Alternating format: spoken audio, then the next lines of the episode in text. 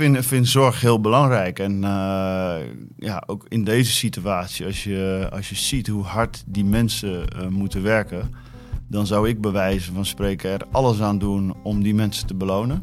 Ook financieel. Wat moet, dat moet en daarom is het goed. Dat zei mijn oma altijd en het is ook een beetje mijn lijfspreuk geworden, ook in mijn politieke bestaan.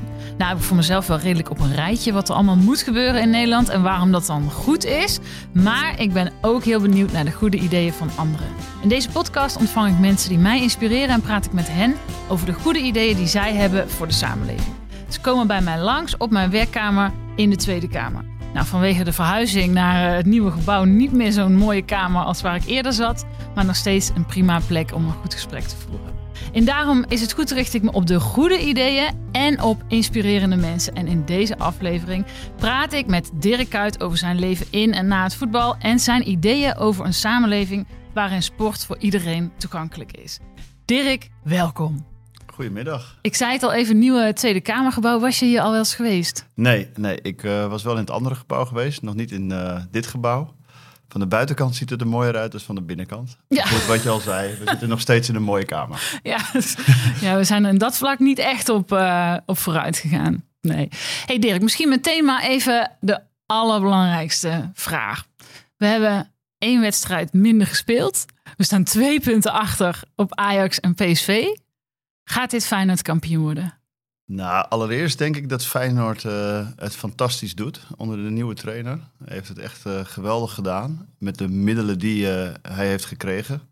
En daar, daarbij is op dit moment Feyenoord boven zichzelf uitgestegen. En het mooie van sport is dat altijd ja, dingen onverwachts kunnen gebeuren. En ik had zelf niet verwacht dat Feyenoord op deze positie zou staan na zoveel wedstrijden. Als we kijken naar eh, de concurrentie, en eh, PSV en die, eh, die club uit Amsterdam, zo gezegd. Ja, zo noemen wij dat hier. Ja, ja. Die, uh, ja die hebben een elftal gewoon met heel veel kwaliteiten. Uh, meer kwaliteiten dan, dan Feyenoord. Zo, zo realistisch ben ik in ieder geval wel. Mm -hmm.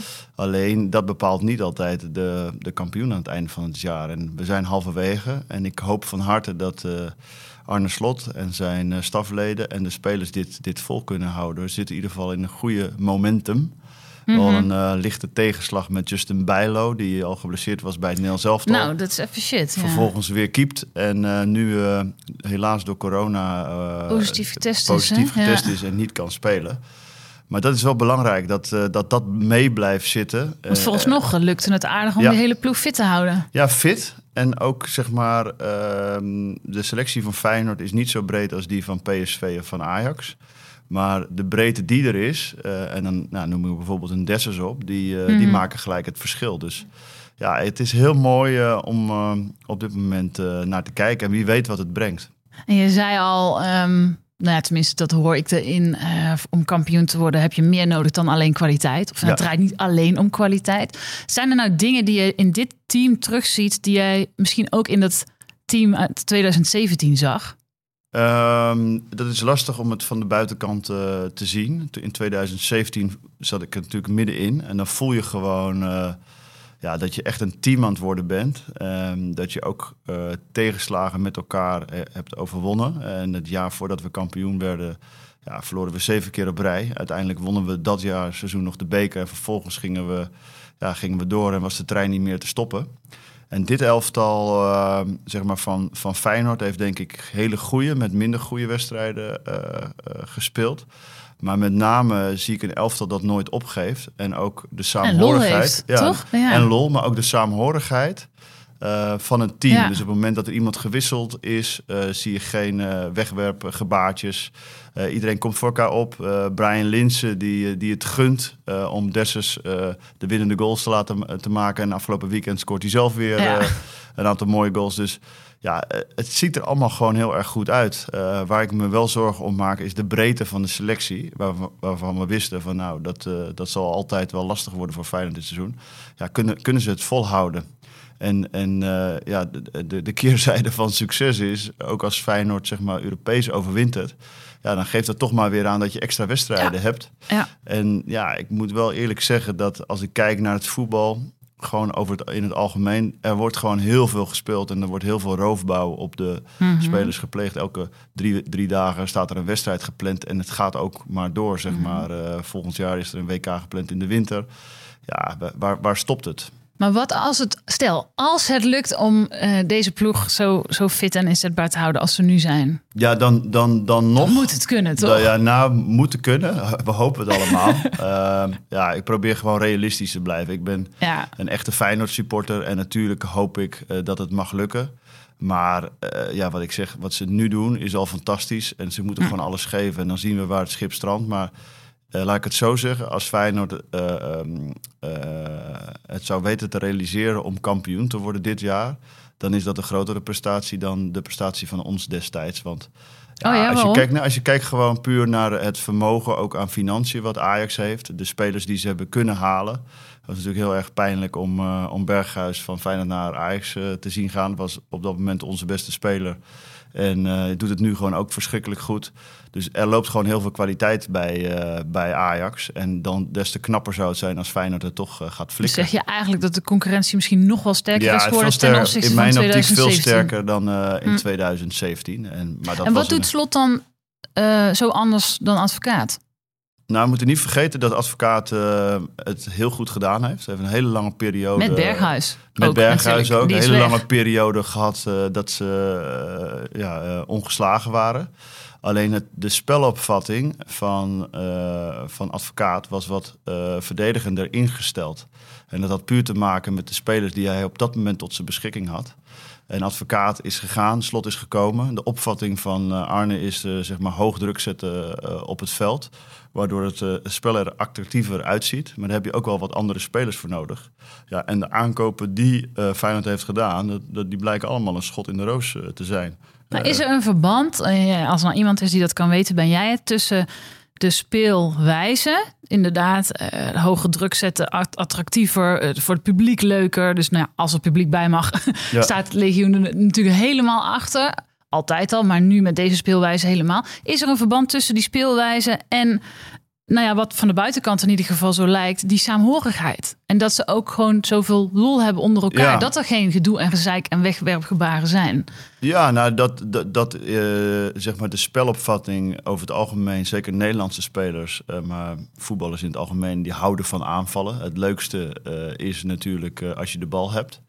En als ik dan bijvoorbeeld kijk naar mijn andere voormalige ploeg, eh, Liverpool, die doet eigenlijk het vergelijkbaar, misschien nog wel Hm. agressiever als Feyenoord. En daar heb ik eh, afgelopen eh, weekend nog een column over geschreven bij, bij de Liverpool website. Eh, dat op het moment dat je zeg maar, een bepaalde energie in een wedstrijd stopt. En dat zie je direct terug, omdat wat ik net al aangaf, ze geven hoog druk. Op het moment dat de bal verloren wordt, dan willen ze eigenlijk binnen een aantal seconden alweer de bal eh, terugveroveren. Ja, daar reageert een, ehm, eh, het publiek natuurlijk ook op. Tuurlijk, dat het willen we publiek van zien. Feyenoord is sowieso Ja. eh, fanatiek. Dus dat, dat geeft een bepaalde energie in het stadion. Ja. En ja, dat, dat heeft een heel mooi effect. En zeker in thuiswedstrijden, ja, dan, dan, dan is het publiek dan ook echt een twaalfde man. Ook in het hoog eh, druk zetten. En op het moment dat je dan weer de bal verovert, dan heb je ook gelijk weer een kans.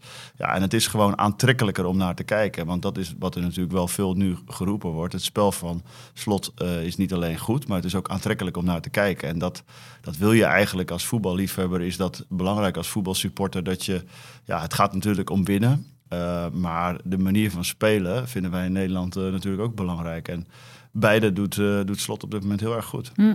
We gaan het zo nog wel even hebben over eh, het stadion natuurlijk. Ja. Daar ontkomen we niet aan. Um, maar je ziet er is natuurlijk ook best wel veel gedoe. Koevermans weg. Ja. Uh, nou, nu natuurlijk, daar hebben alle clubs mee te maken. Maar geen publiek erbij. Uh, het hele gedoe rondom wel of geen nieuw stadion. Feyenoord City. En het lijkt, zeg ik vanaf de buitenkant, het lijkt helemaal geen impact te hebben op die ploeg. Althans niet op de prestaties. Hoe knap is dat? Uh, nou, het is wel zo dat als, als voetballer of als trainer uh, sluit je vaak af uh, voor ja, de dingen die om het voetbal heen gebeuren. Dat kan wel. Ja, dat kan zeker. En dat, dat, zie je, ja, dat zie je eigenlijk heel vaak in het voetbal terug. Op het moment dat er problemen zijn op bestuurlijk niveau... of de directie ligt met elkaar overhoop... of er moet een beslissing gemaakt worden over een nieuw stadion, wel of niet. Wat trouwens wel, wel grappig is, is dat in mijn eerste periode Feyenoord, dat was van 2003 tot 2006, werd ik in mijn laatste jaar gevraagd om in een comité te komen voor een eventueel nieuw stadion. Nou, we zijn nu 15 jaar, ja, we zijn nu 15 jaar verder. Ja, ja oh, en, en, dat is overigens wel de problematiek van Feyenoord op dit moment. Er zijn zoveel mensen die iets te zeggen hebben uh, binnen de club. Jij zei, hoorde ik in die Disney-documentaire... Feyenoord is net een politieke partij. En volgens mij bedoelt hij dat niet zo positief in dit geval. Nee, ja, nou, kijk, als, als we het hebben dan zeg maar over politiek... misschien gaan we het daar ook nog over hebben. Maar als we bijvoorbeeld hebben over de formatie... hoe lang dat duurt om uh, uh, een formatie te hebben, ook in de politiek... nou ja, daar kan Feyenoord zichzelf wel ja, mee vergelijken. Want er zijn zoveel partijen die invloed proberen te hebben op het grote geheel, dat er geen uh, besluitvorming En hoe komt, dat? Wat nou is ja, daar ik denk de belangrijkste... dat het, het, het grootste probleem, probleem de, de grootste problematiek van Feyenoord op dit moment is dat de leidinggevende mensen te veel emotie hebben met de club. Dus dat ze zeg maar emotie en, en, en zakelijke belangrijke beslissingen daardoor niet kunnen nemen. En iedereen heeft een bepaald belang. We hebben de vrienden van Feyenoord, we hebben uh, het stadion, we hebben de, de, de sportclub, we hebben nog de NV. Het is een hele kerstboom, Ja, nee, er zijn zoveel mensen die daarbij betrokken zijn. En in, in het eerste jaar nadat ik uh, stopte als speler, ben ik met Martin Vergil meegelopen in de directie. Heb ik heel veel mensen mogen ontmoeten. Heb ik de andere kant van de club gezien. Want nou, we hadden het net over van ja, als speler ken je ook heel veel mensen niet, omdat je je puur focust op het voetbal. Maar ja, daar, daar kan Feyenoord wel stap in nemen. En wat ik hoop voor de club, want uiteindelijk gaat het om Feyenoord. Uh, en het allerbelangrijkste is Feyenoord, dat we, ja, dat we een leider krijgen binnen die club die gewoon um, de beslissingen kan nemen. Uh, in die zin wat het beste is voor Feyenoord. Want ik vraag me heel vaak af, hoe kan het nou toch dat bij zo'n mooie club, een echte volksclub, dat toch die, die afstand zo groot is? tussen nou, bijvoorbeeld het legioen en de bestuurlijke top ja. Ja, van ja. Feyenoord. Kijk, waarom je, is dat zo? Uh, ik, ik, ken veel supporters, uh, de, de, de fanatieke, uh, de, ook, ook de, de andere supporters. Maar iedereen heeft een bepaalde zeggenschap. Maar uiteindelijk voelen heel veel mensen zich op de een of andere manier ook niet gehoord. En daar horen ook heel veel supporters bij. En het is niet nee, maar zo... als voorbeeld bijvoorbeeld, ik heb nu denk 15 jaar een seizoenkaart. Het was laatst pas voor het eerst dat ik een mailtje kreeg. Dan kreeg zo'n digitale enquête van wat vind je van de plannen van Feyenoord City. Ik heb er nou altijd over verbaasd. Ja. Dat, tenminste, ja, ik kan me voorstellen als je zoiets groots en ingrijpends van plan bent, dan moet je je steun organiseren. Nou, als supporters is nooit iets gevraagd. Nee, ja, Nooit? Dat, is, dat is heel vreemd. En, en dat is ook precies wat ik eigenlijk wilde zeggen over als ik supporters uh, spreek, dan, dan denken mensen altijd van ja, die supporters die willen het voor het zeggen hebben. Uh, uh, maar dat kan helemaal niet, want ja, die, die, kunnen niet alles bepalen.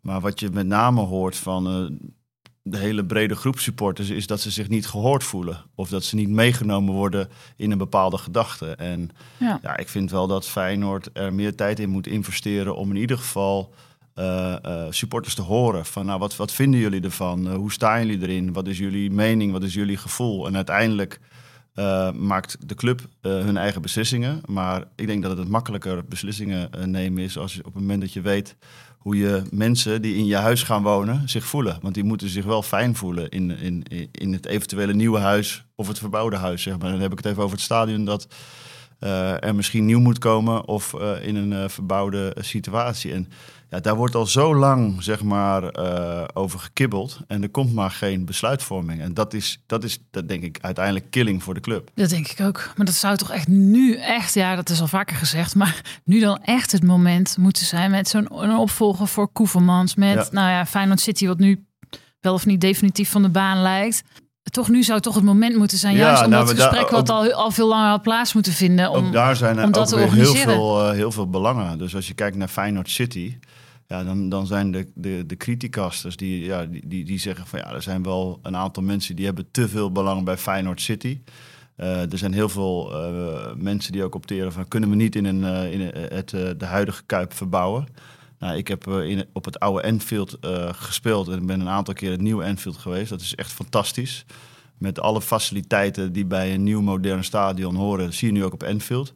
Maar niemand heeft mij ooit de vraag kunnen beantwoorden: kan dit? Hè? Kunnen, we, kunnen we de Kuip verbouwen? Als je kijkt ja. naar, de, naar de grond die er omheen ligt, denk ik, nou, dat zou best moeten kunnen. Maar ik ben wat dat betreft een leek. Uh, ik zei net tegen je, ik ben vroeger schilder geweest, maar geen bouwer. maar het gaat erom van maak besluiten. Hè? Uh, sluit dingen wel of niet uit. Kan het of kan het niet? En ja, dat is hetzelfde met Feyenoord City. Uh, er wordt maar jij vindt, als ik jou goed beluister, een, een, serieuze poging om te onderzoeken om het nou, Het allerbelangrijkste vind ik dat er, er moet een besluit genomen worden. Hm. Links, of we nou links omgaan of rechtsom, uiteindelijk is het belangrijk voor de club om een besluit te nemen van waar gaan we in de toekomst spelen. En het mooiste vind ik wel persoonlijk, als het kan, dat de, als je de Kuip kan renoveren in een situatie zoals bijvoorbeeld nu op Enfield is, dan zou ik daar altijd voor kiezen. Maar kan dat? En als dat niet kan, dan denk ik dat het goed is en juist voor de club om naar een nieuw stadion te gaan. Want met de oude faciliteiten hebben wij denk ik een van de mooiste stadions in Europa. En dat was al in de tijd dat ik nog voor Liverpool speelde. Dat hoorde de spelers van Liverpool zeggen van nou, de Kuip, dat is echt iets magisch en unieks. Nou, dat, dat, dat zegt wat eh, als je met spelers van Liverpool speelt die overal ter wereld gespeeld hebben. En dat vind ik ook absoluut. Alleen uiteindelijk heb je inkomsten nodig. En, en is het belangrijk voor Feyenoord dat we meer faciliteiten kunnen bieden, zodat er meer uh, ja, financiën beschikbaar zijn om een zo goed mogelijk elftal op, de, op het veld te, te, neer te zetten. Want ja, hoe zou het zijn geweest als uh, Arne Slot uh, eh, 10 tot 20 miljoen meer had kunnen investeren? Hm. Ja, dan had ik misschien net iets anders gezegd. Had ik gezegd, Wie nou weet, ja, dan kan je gewoon de strijd aangaan. Wordt er in de winterstop nog een. ja, maar ook, ook, daarin, ook daarin zijn de belangen, zeg maar, dat ik soms het gevoel heb: gaat het nou om Feyenoord of gaat het om nou ja, de, de, ego's die binnen de club spelen, waarvan ja, iedereen uh, belangrijk gevonden wordt. Dat is erg, toch? Ja, dat vind ik heel erg. Ja, ja dat vind ik jammer, want uh, Feyenoord heeft zoveel meer potentie. Is in potentie uh, gewoon de grootste club van Nederland. Zeker. en dan zegt iedereen, ja, je hebt een roze bril, je bent Feyenoorder. Maar als je kijkt naar de achterban, naar de mogelijkheden, ja. dan is er echt heel veel mogelijk. Ja. En ja, goed, bij Ajax uh, hebben we natuurlijk ook die revolutie gehad waarin uh, er heel veel partijen waren die iets wilden. Uiteindelijk is daar een keuze in gemaakt. En, en zie uh, ja, hoe ze daar nu voor elkaar hebben. Dat, is, dat, is gewoon, dat ziet er gewoon heel goed uit. Je noemde net al de magie van de Kuip. En voor mij is altijd, als ik denk echt de magie van de Kuip, is het die ene seconde. En ik denk, als ik dat zeg, dan weet je precies welke ja. seconde ik natuurlijk bedoel. Ja. elke Feyenoord supporter. Ja, ja nee, dat bedoel Kijk, ik heb heel veel mooie wedstrijden in de Kuip mogen spelen. En uh, we hadden het net al even over van... Ja, dat we nu ook weer zonder publiek spelen. Dus ik vind dat echt verschrikkelijk. Uh, voelt gewoon heel raar. Maar ja, de momenten dat je zeg maar uh, in de Kuip een stilte kan veroorzaken is uniek. Ik bedoel, het stadion, als je daar bent geweest, nou ja, je, je komt daar al jaren. Ik heb er jaren gespeeld, maar het stadion beweegt letterlijk als er een wedstrijd is. Maar op dat moment dat ik die goal maakte tegen Heracles, was er gewoon en geen geluid en er was stilte. En dat was een uniek moment, ja, wat in ieder die daar was nooit meer zal vergeten. Nooit meer, dat kan ik jou verzekeren. Nee, maar dat, dat, dat zijn ja, historische momenten waarop je beseft uh, ja, wat een mooie plek uh, de Kuip eigenlijk is. Maar is dat dan ook juist niet wat, um, ja, wat gekoesterd moet worden? Juist misschien wel, aan het begin van het gesprek hadden we het over waar staat Feyenoord, financieel, kwalitatief. Ja ja, dan is de concurrentie gewoon groter. Maar waar troeven wij de andere clubs wel af? Dat is ja. Eh, de magie, dat is die seconde. En ik ben vaak zelf zo bang als je dat weghaalt. Bijvoorbeeld door naar een nieuw stadion te verhuizen of, of wat dan ook. Nou, daar, daar zit ook wel een beetje. Uh, daar zit ook wel een beetje uh, het probleem van Feyenoord dat we, dat we het soms moeilijk vinden om uit onze comfortzone te komen. Dus wat we hebben is goed dat, uh, en, en daar willen we niet van af. Uh, als je kijkt naar de organisatie van de club, zijn er ook heel veel mensen die misschien wel tientallen jaren binnen de club zitten. Hm. Uh, ja, en, en, en letterlijk bijna daar hun laatste adem uitblazen. En vernieuwen is soms ook goed. En nogmaals, de Kuip is voor mij het mooiste stadion waar ik gespeeld heb. En dat zal altijd zo blijven. Maar uiteindelijk moet je verder. En hoe mooi zou het zijn als we de Kuip kunnen renoveren en wel die faciliteit aan kunnen bieden. Ja. Maar de Kuip in de huidige situatie is straks niet meer goed genoeg voor de club. En dan word je ingehaald door de rest. En dat zou gewoon heel erg uh, zonde zijn. En uh, nogmaals, ja, ik, ik, ben op Enfield geweest. De, de, capaciteit is twee keer zo groot geworden. De, de mogelijkheden voor de, de, de businessclubs en, en de restaurants zijn uh, ja, keer tien vergroot bijna. En dan, dan, dan, ja, dan groei je als club. En uiteindelijk uh, ja, denk ik dat dat het allerbelangrijkste is. Mm. Over uh, politiek en voetbal gaat het ook vaak als het gaat over, nou nu bijvoorbeeld, naar het, we gaan naar het WK. Ja. Dat is heel mooi. Maar het is wel in Qatar. Mm. uh, Dick Advocaat heeft net een avontuur, volgens mij is het inmiddels alweer achter de rug in uh, Irak. niet, niet gelukt. Niet gelukt, uitgeprobeerd. Hoe kijk jij daarnaar? Waar, waar, waar, dat vraag ik mij gewoon af. Waarom moet dat toch altijd in die vreselijke landen? Nou, kijk, het probleem is, en dat, daar kan je wel mee vergelijken, zeg maar. Uh, bijvoorbeeld, we hadden het net over Feyenoord en uh, de onrust op uh, directieniveau. Dus hoe gaat het eraan toe in de top van de club met de directeur, de raad van commissarissen. En als voetballer gaat dat vaak langs je heen, want je wil als voetballer maar één ding. En dat is voetballen. Alleen omdat wij zeg maar een voorbeeldfunctie hebben en dat mensen naar ons opkijken, wordt er ook vaak van ons gevraagd: van, joh, neem een neem een voorbeeld. Uh, Vind je dat terecht of niet? Nee, ja, dat, dat kan niet altijd. Want als voetballers worden ook vaak heel vaak onder druk gezet. En, door wie of wat? Nou, door, door instanties. Want ja, als je niet volgt, dan ben je af. En ik kan me nog een moment herinneren in 2006 was het volgens mij. 2006 of 2008 speelde een eindtoernooi en ik was een, een, nog best wel jonge jongen en ik mocht toen bij de spelersraad zitten.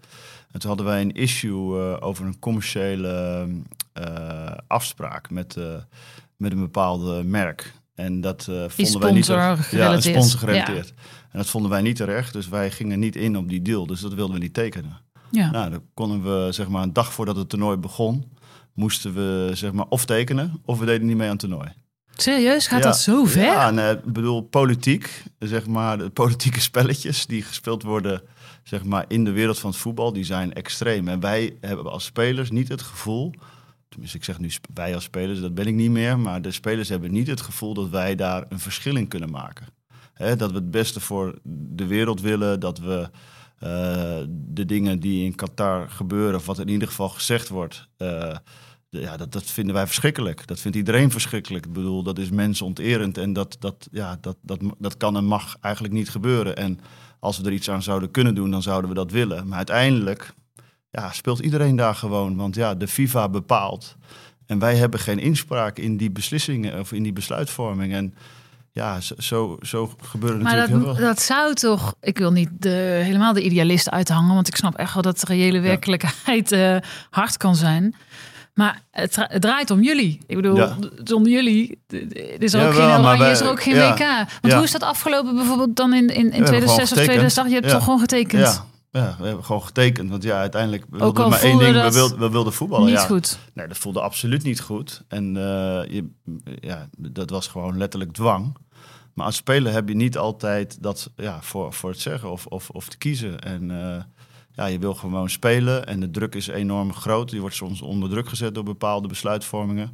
En daarom vind ik het ook wel... Kijk, op dit moment zetten veel journalisten uh, zetten spelers onder druk.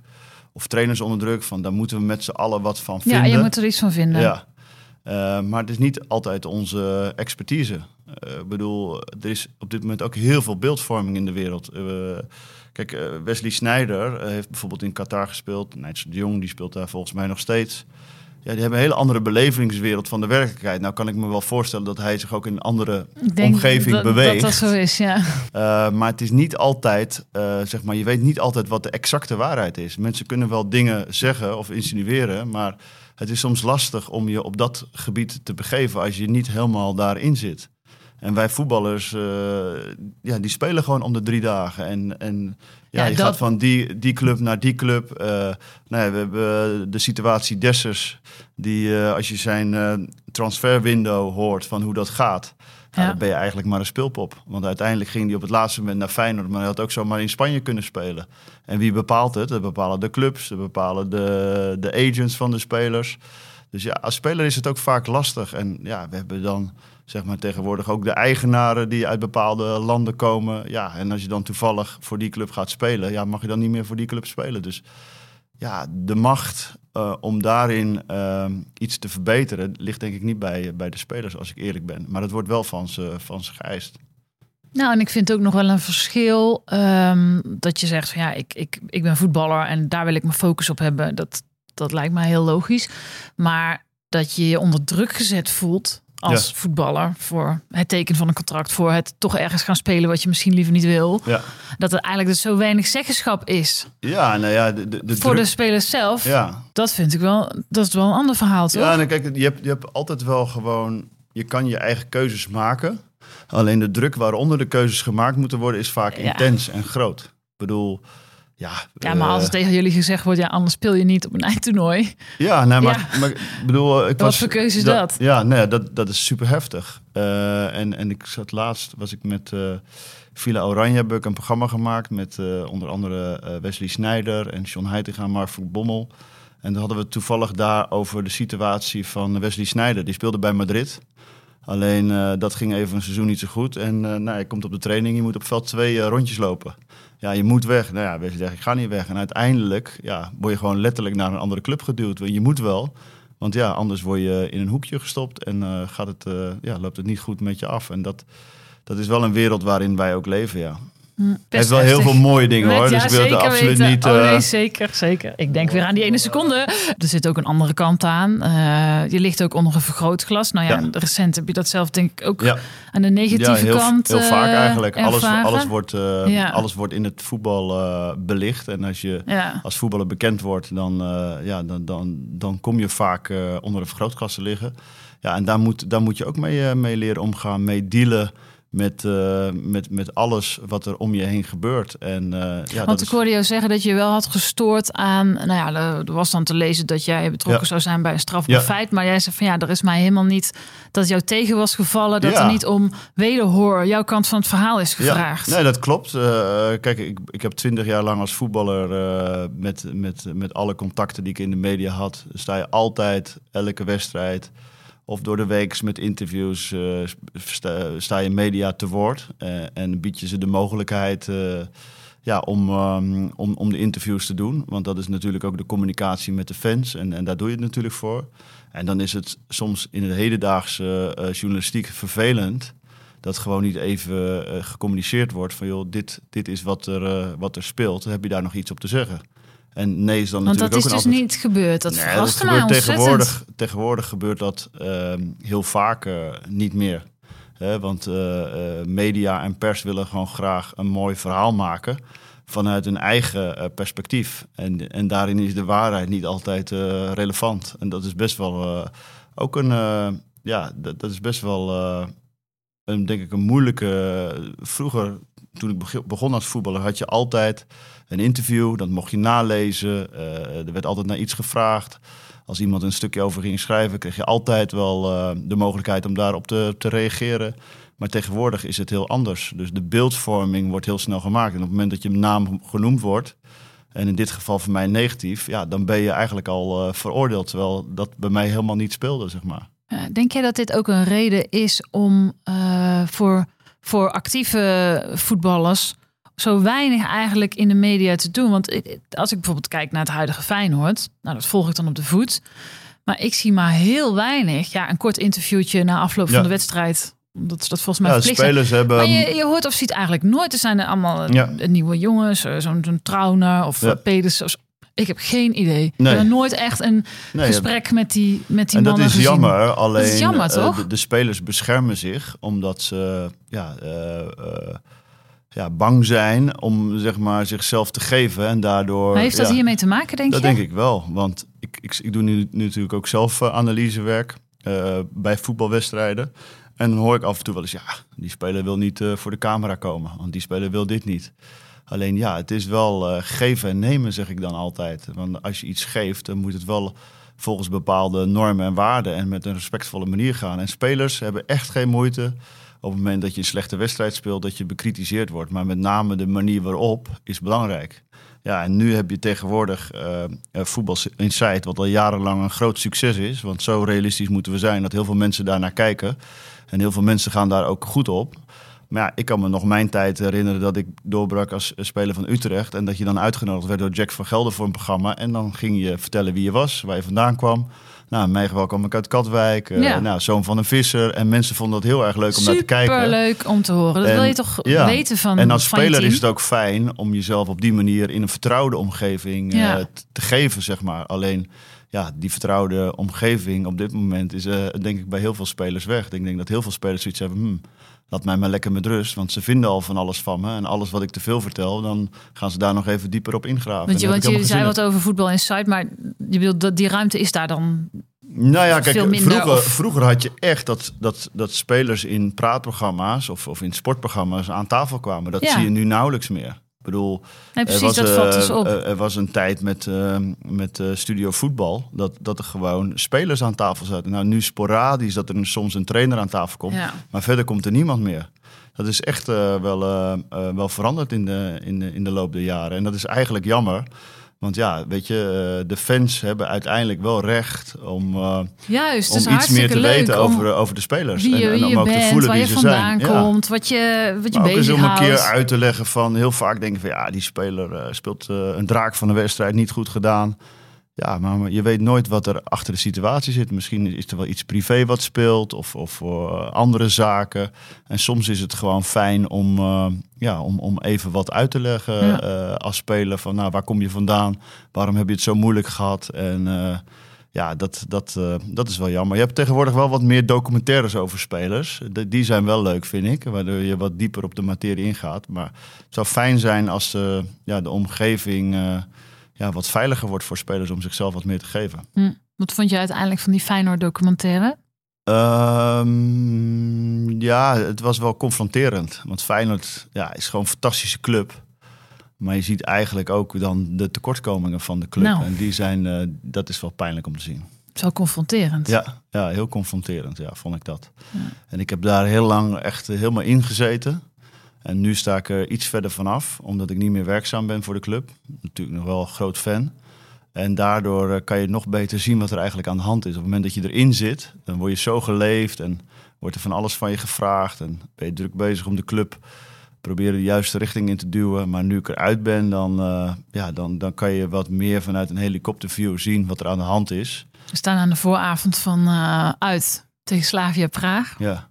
Ehm, hoe ver denk je dat dit Feyenoord kan komen in Europa? Eh nou, de Conference League is eh, een hele is- interessante league. In eerste instantie dacht ik, ja, wat is dat nou? Hè? Wat, moet ik me daarbij voorstellen? Ja. Maar er zitten ook nog wel echt wel serieuze, leuke clubs in. En ik vond in ieder geval de pool waarin Feyenoord eh, speelde, of speelt, eh, ja, hele interessante pool. Met echt wel goede, goede zijn ploegen. geen uh, kroketploegen. Nee, toch? het zijn echt wel, Nee. eh, ja, bedoel, eh, Bundesliga club. eh ja, Ja, Praag. Praag. ook gewoon een goed, goed team. Dus echt wel, sowieso voor de jonge ploeg die Feyenoord heeft, is, is het goed. De ervaring om Europees te spelen, worden spelers beter van. Ja, en naarmate je, ja, ik denk dat Feyenoord wel doorgaat, eh, ook verder komt, eh, dan kan je ook best wel hele leuke clubs eh, tegenkomen. Dus voor de ervaring denk ik dat het heel goed is voor Feyenoord. En ja, het ligt een beetje aan de loting hoe ver ze kunnen komen.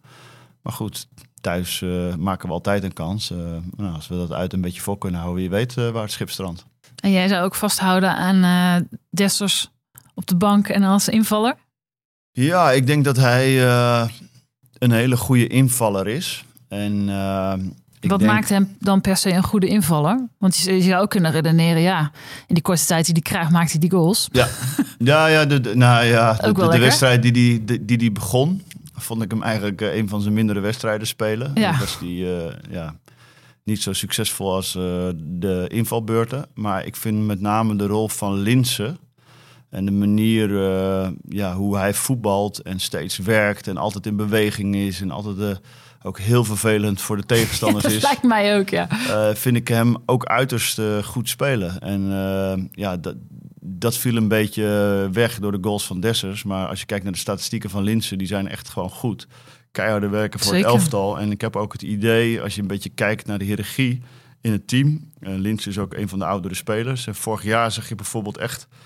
Zag ik af en toe gewoon een onzekere Linsen naast Berghuis. Maar Ja. nu bijvoorbeeld de klik met Linsen en Toornstra, als je dat een Ja. beetje volgt zit, zit, zit wel een bepaalde chemie. En in de hiërarchie is eh ja, Lins eh, denk ik wel eh, een grotere meneer geworden dan eh, vorig jaar. Dus ik, ik zou als, als coach vasthouden daaraan.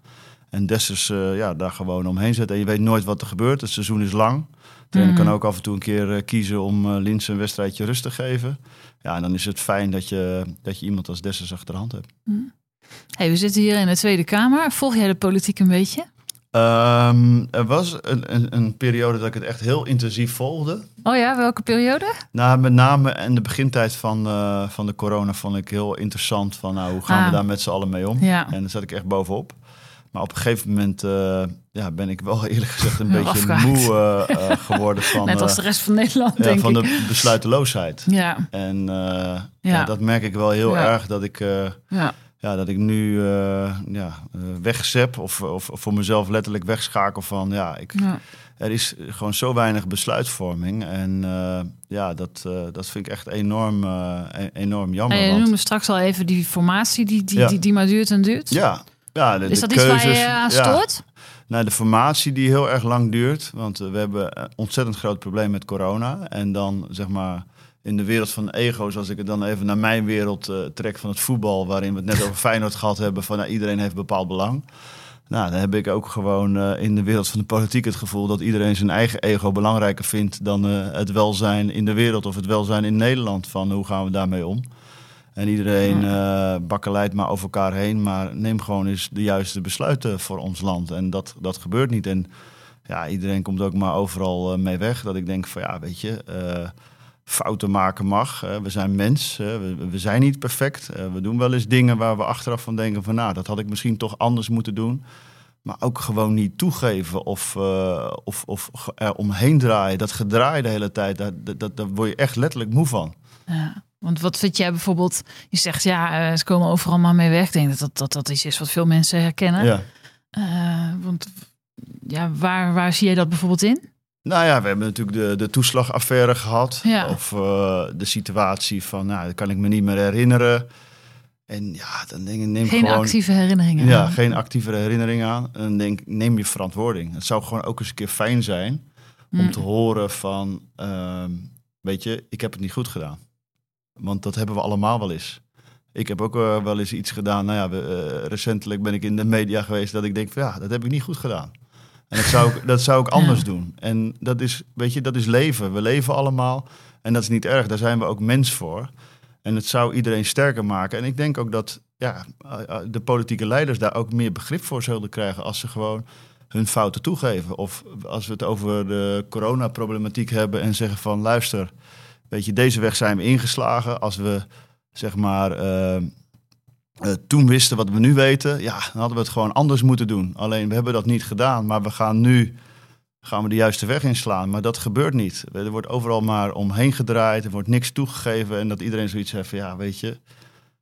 Uh, klopt het allemaal wel wat je zegt? Of wat is de geloofwaardigheid nog? Met name de geloofwaardigheid ben ik een beetje kwijt, zeg maar, in de politiek. Zie je dat ook in jouw omgeving, dat mensen ja, heel erg. echt afhaken? Ja. Dat is eigenlijk wat je beschrijft. Afhaken nou, wat ik bij heel de erg merk is, uh, zeg maar, ook met, uh, zeg maar, als we het over corona hebben, ook met, met het vaccineren of niet vaccineren, dat ook mensen tegen elkaar in opstand komen, omdat er zoveel onduidelijkheid is.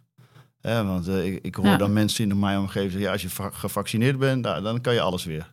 En nu uh, dan uh, de niet gevaccineerden zeggen, ja, je bent gevaccineerd, maar je besmet andere mensen. Dus je krijgt ook zoveel discussie en opstand, omdat ja, er, geen, er is geen duidelijkheid. En het is ook niet makkelijk hoor, maar het is wel fijn als er wat meer duidelijkheid komt en dat, ja, dat ook politieke leiders zeggen van luister, de, we, hebben dit, een, we hebben deze weg ingeslagen met elkaar. Dat is, toen hebben we dat gezegd, maar het is nu anders dan dat we dachten. Maar hier, dit is nu waar we staan. En dit is nu de, de, ja, dit is nu de situatie zoals die is. Want dat gevoel heb ik totaal niet. Ik heb ook het idee dat heel veel mensen ook niet meer kijken. Van, de, bedoel, verplichte mondkapjes, uh, plicht weer, of, of plicht anderhalve meter. Ik heb het idee dat helft van Nederland zoiets heeft van... ja, ik, ik, uh, ik kijk er niet meer naar, ik ben er klaar mee... en ik doe gewoon mijn eigen ding. Wat niet goed is, maar dat komt natuurlijk wel ergens vandaan, dat gevoel. Ja, denk plus dat er natuurlijk ook jarenlang um, ja, dat, dat, dat beleid, dat individualisme, dat is natuurlijk ook gezaaid. Ja. Uiteindelijk in de samenleving. Al voor, ver voor corona, denk Ja. ik. Het was Ja. toch steeds meer ieder voor zich. En uh, als jij het maar voor jezelf goed geregeld hebt. Ja. Je noemde al even het toeslagenschandaal. Ja, als je de overheid nodig hebt, nou dan zul je wel een loser zijn, weet je wel. Of, of een fraudeur, nog erger in dat geval. Ja, Nou ja, ja, ik denk ook wel dat het niet iets, dat het iets is wat al, uh, ja, al veel langer speelt. En, en dat gevoel heb ik soms ook wel een beetje in Nederland, dat we elkaar ook minder gunnen. Dat we niet blij kunnen zijn voor elkaar. Dus dat, dat leven en laten leven, dat gevoel, hmm. dat, ja, dat mis ik soms wel een beetje. Dat we soms gewoon zitten te wachten tot iemand op zijn bek gaat om maar uh, na te wijzen. In plaats van als iemand valt, dat we hem helpen weer op te staan met elkaar. En uh, ik kan de exacte tweet van Jochem Meijer niet meer lezen. Maar ja, dat, dat was wel een hele mooie tweet over een meneer die onwel werd. En iedereen die die persoon te hulp schoot. Gewoon kwam helpen ja, dat en is wel uh, iets, het goede uh, deed. unieks. En ja, ik hoop dat Nederland daar weer ja, naartoe kan groeien. Want dat is, dat is wat we nodig hebben. Uiteindelijk zijn we mensen. Ja. En zijn geen individuen. We hebben elkaar heel hard nodig in deze wereld om er iets moois van te maken. Ja, het gaat nu deze dagen ook veel over de zorg ja. natuurlijk. Uh, daar heb ik volgens mij ook wel eens wat van jou over gehoord of, of gelezen. Hoe, hoe kijk je daarna? Want dat is natuurlijk ook iets wat, ja, wat iedereen ooit wel een keer in zijn leven nodig heeft. Ja, nee, ik, ik vind, vind zorg heel belangrijk. En uh, ja, ook in deze situatie, als je, als je ziet hoe hard die mensen uh, moeten werken dan zou ik bewijzen van spreken er alles aan doen om die mensen te belonen. ook financieel. Wat mij, wat mij betreft, uh, ik, ik, ik, heb zelf altijd in de hoogste belastingsschaal gezeten, dat zit ik nog steeds. En ik vind die mensen die verdienen gewoon veel meer dan dat ze op dit moment krijgen. En één, respect, maar ook financieel. En ja, die, zulke mensen moet je koesteren. Maar op het moment dat je niet gewaardeerd wordt, en het heeft niet direct altijd met geld te maken, maar die mensen voelen zich op dit moment niet gewaardeerd. Dus wat krijg je? Ja, bekijk het maar. Ik ga iets anders doen, want ik voel niet de waardering. En dat heb ik ook wel, uh, ja, op dit moment. Dat, ja, die, die worden ook zo onder druk gezet, omdat er veel tekort is mm aan uh, ziekenhuizen, in mijn optiek, aan, aan personeel. Ja, en, en ze worden niet gewaardeerd. Dus betaal die mensen. He, heb ik bijvoorbeeld ook van de politiek.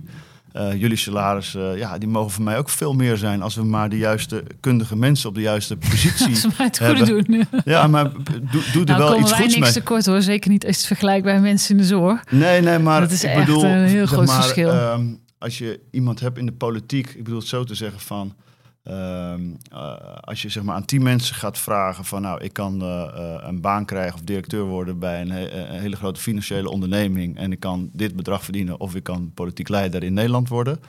Nou ja, dan kiezen heel vaak die mensen voor de andere kant. Maar ik zou zo graag ook in de politiek de beste, de beste mensen of de beste kundige mensen hebben op de juiste plek. Ja. En dan, dan bedoel, naar kwaliteit kan je altijd, uh, ja, kan je, kan je altijd betalen. Ja. En, ja, als ik dan kijk naar, naar de voetballers, wat wij verdienden, dan kan, kan je bergen verdienen. denken we, nou, dat is niet normaal. Of heb ik zelf ook altijd niet normaal gevonden. Maar ja, daar mag best wel iets, iets meer naartoe, zodat we meer kwaliteit op bepaalde posities, posities krijgen. Ja, nou is mijn idee wel altijd daarbij. Uh, wij geven een best wel een aardig deel van ons salaris af. Hè, juist omdat we zoiets hebben van. Om, niet omdat je goede mensen niet moet waarderen, maar meer een Kamerlid verdient iets van 8000 euro in de maand of zo. Maar veel meer vanuit de gedachte ook, ja, je moet hier elke dag wel besluiten nemen over de levens van mensen. Je besluit hier over hoeveel belasting betalen mensen, uh, hoe hoog is de huur, uh, hoe hoog zijn de salarissen in de zorg, inderdaad. Allemaal dat soort dingen. En wel vanuit de gedachte, ja, de gemiddelde Nederlander, die, die komt natuurlijk niet met, met 8000 euro in de maand thuis, om maar zo te zeggen. En het is zo belangrijk dat je dat wel. Het gaat nu bijvoorbeeld veel over de energierekening. Nou, die wordt nou 900 euro duurder. Er zijn zat mensen die denken echt, ja, maakt hun het op hun salaris niks uit. Maar het grootste deel van Nederland natuurlijk, ja, er zitten nu al heel veel mensen daarmee in de knel. Die, die zitten met handen in het haar van, ja, hoe ga ik dit oplossen? Hoe ga ik dit?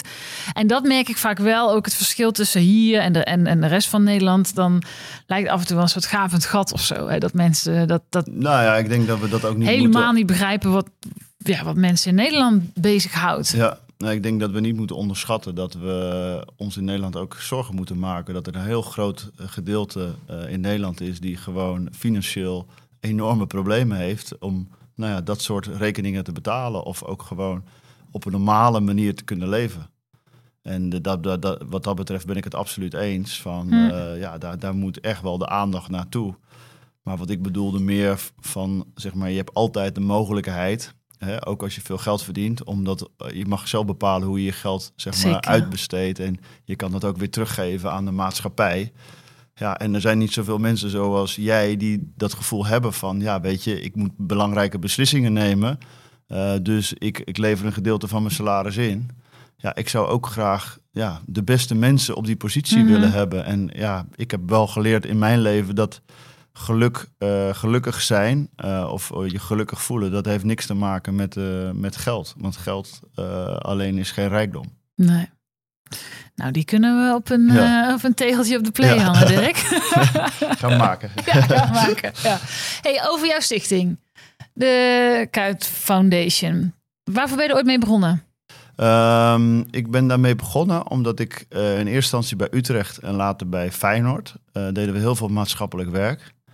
Eh, en dan word je ook automatisch vaak eh, gevraagd als ambassadeur of wil je je daar eh, sterk of hard voor maken.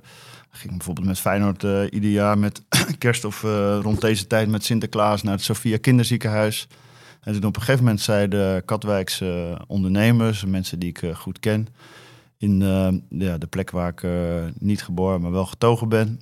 Ehm, nou, misschien moet je zelf iets, iets gaan beginnen. Nou, dat ben ik, ben ik toen gaan doen. En toen dacht ik van ja, wat heeft mij nou enorm veel opgeleverd in mijn leven?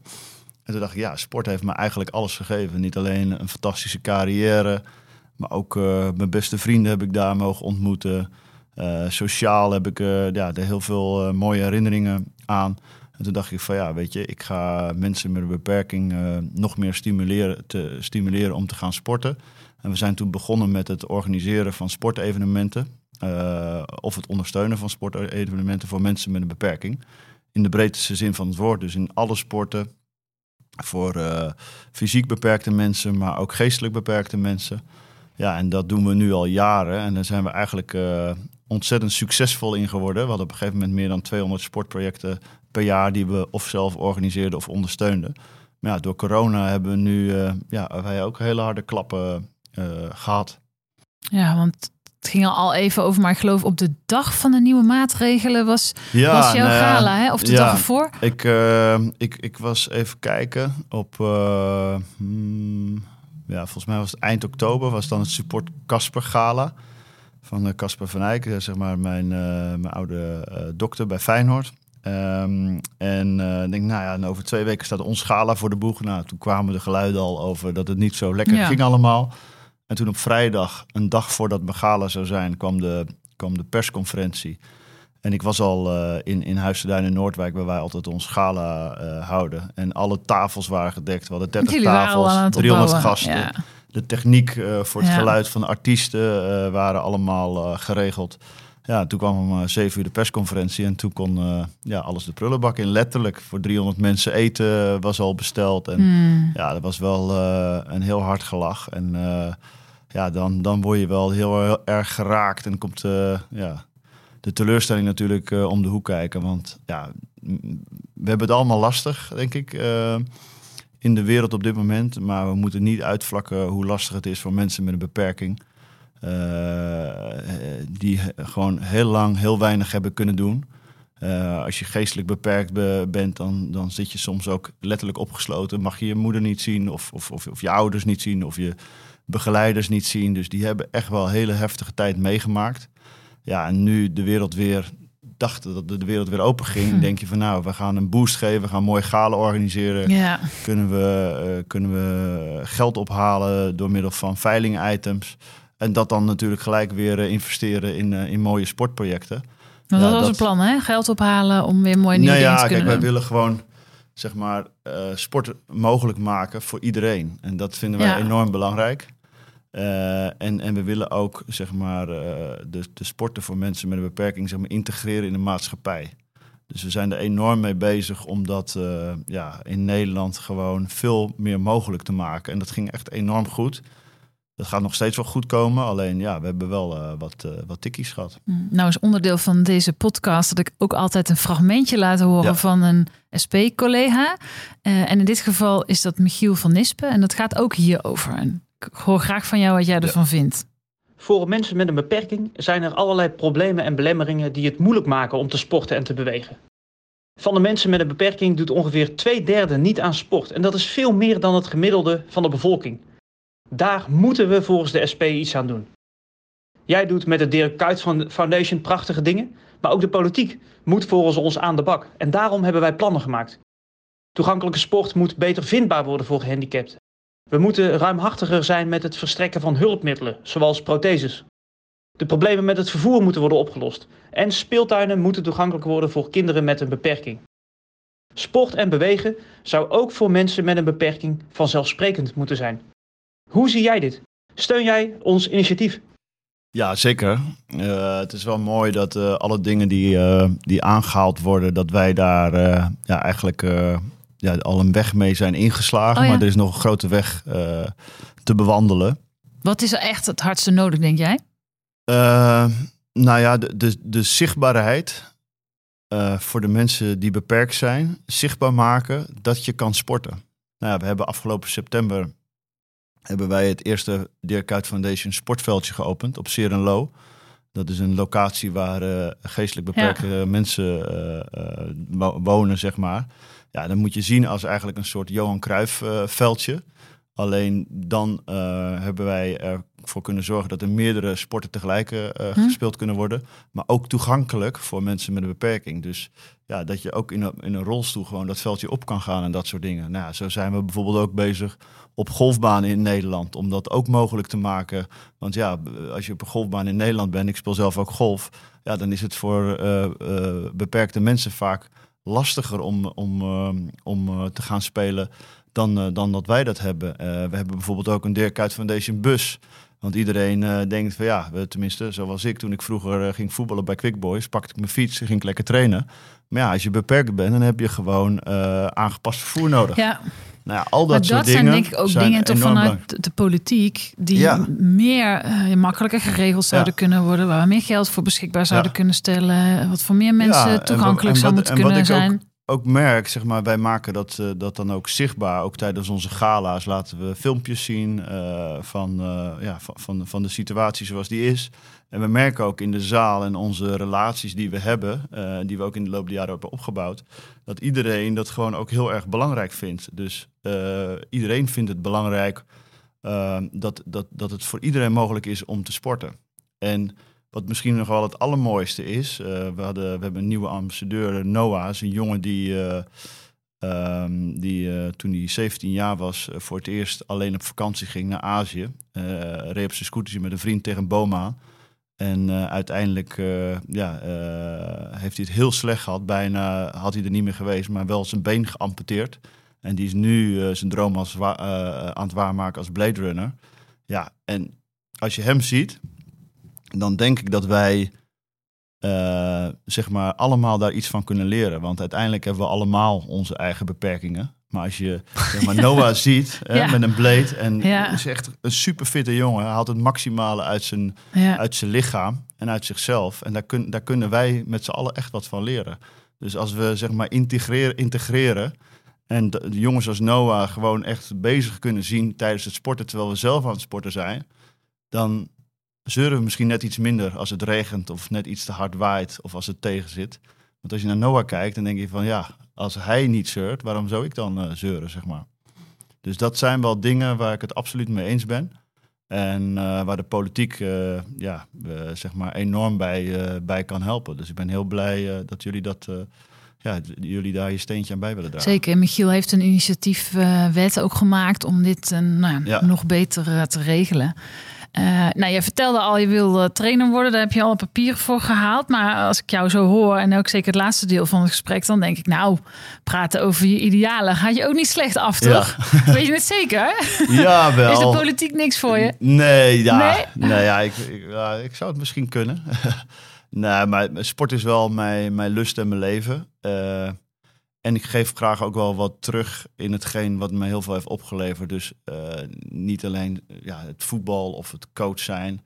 Eh, dat geeft me heel veel energie. Maar ook zeg maar, met zo'n foundation waarin je echt iets terug kan geven aan de maatschappij die eh, ja, mijzelf heel veel heeft opgeleverd ja, daar zet ik me graag voor in. En als ik af en toe mensen een beetje kan helpen door eh, ergens iets van te vinden of, eh, of ergens een praatje over te houden, dan doe ik dat, dan doe ik dat uiteraard graag.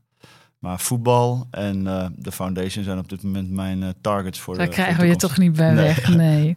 Mooi. Mag ik jou ontzettend bedanken? Ja, ja bedankt. Voor het leuke gesprek. Ja, heel veel succes leuk. natuurlijk met alles. En zeker ook met de foundation. Dankjewel. Ja, en ik denk uh, tot op de Koolsingel. Ja, komt goed. Hopelijk aan het einde Ja, van komt goed, eh, zei nou, halve, halverwege, halverwege volgend jaar. Ja, precies. Precies.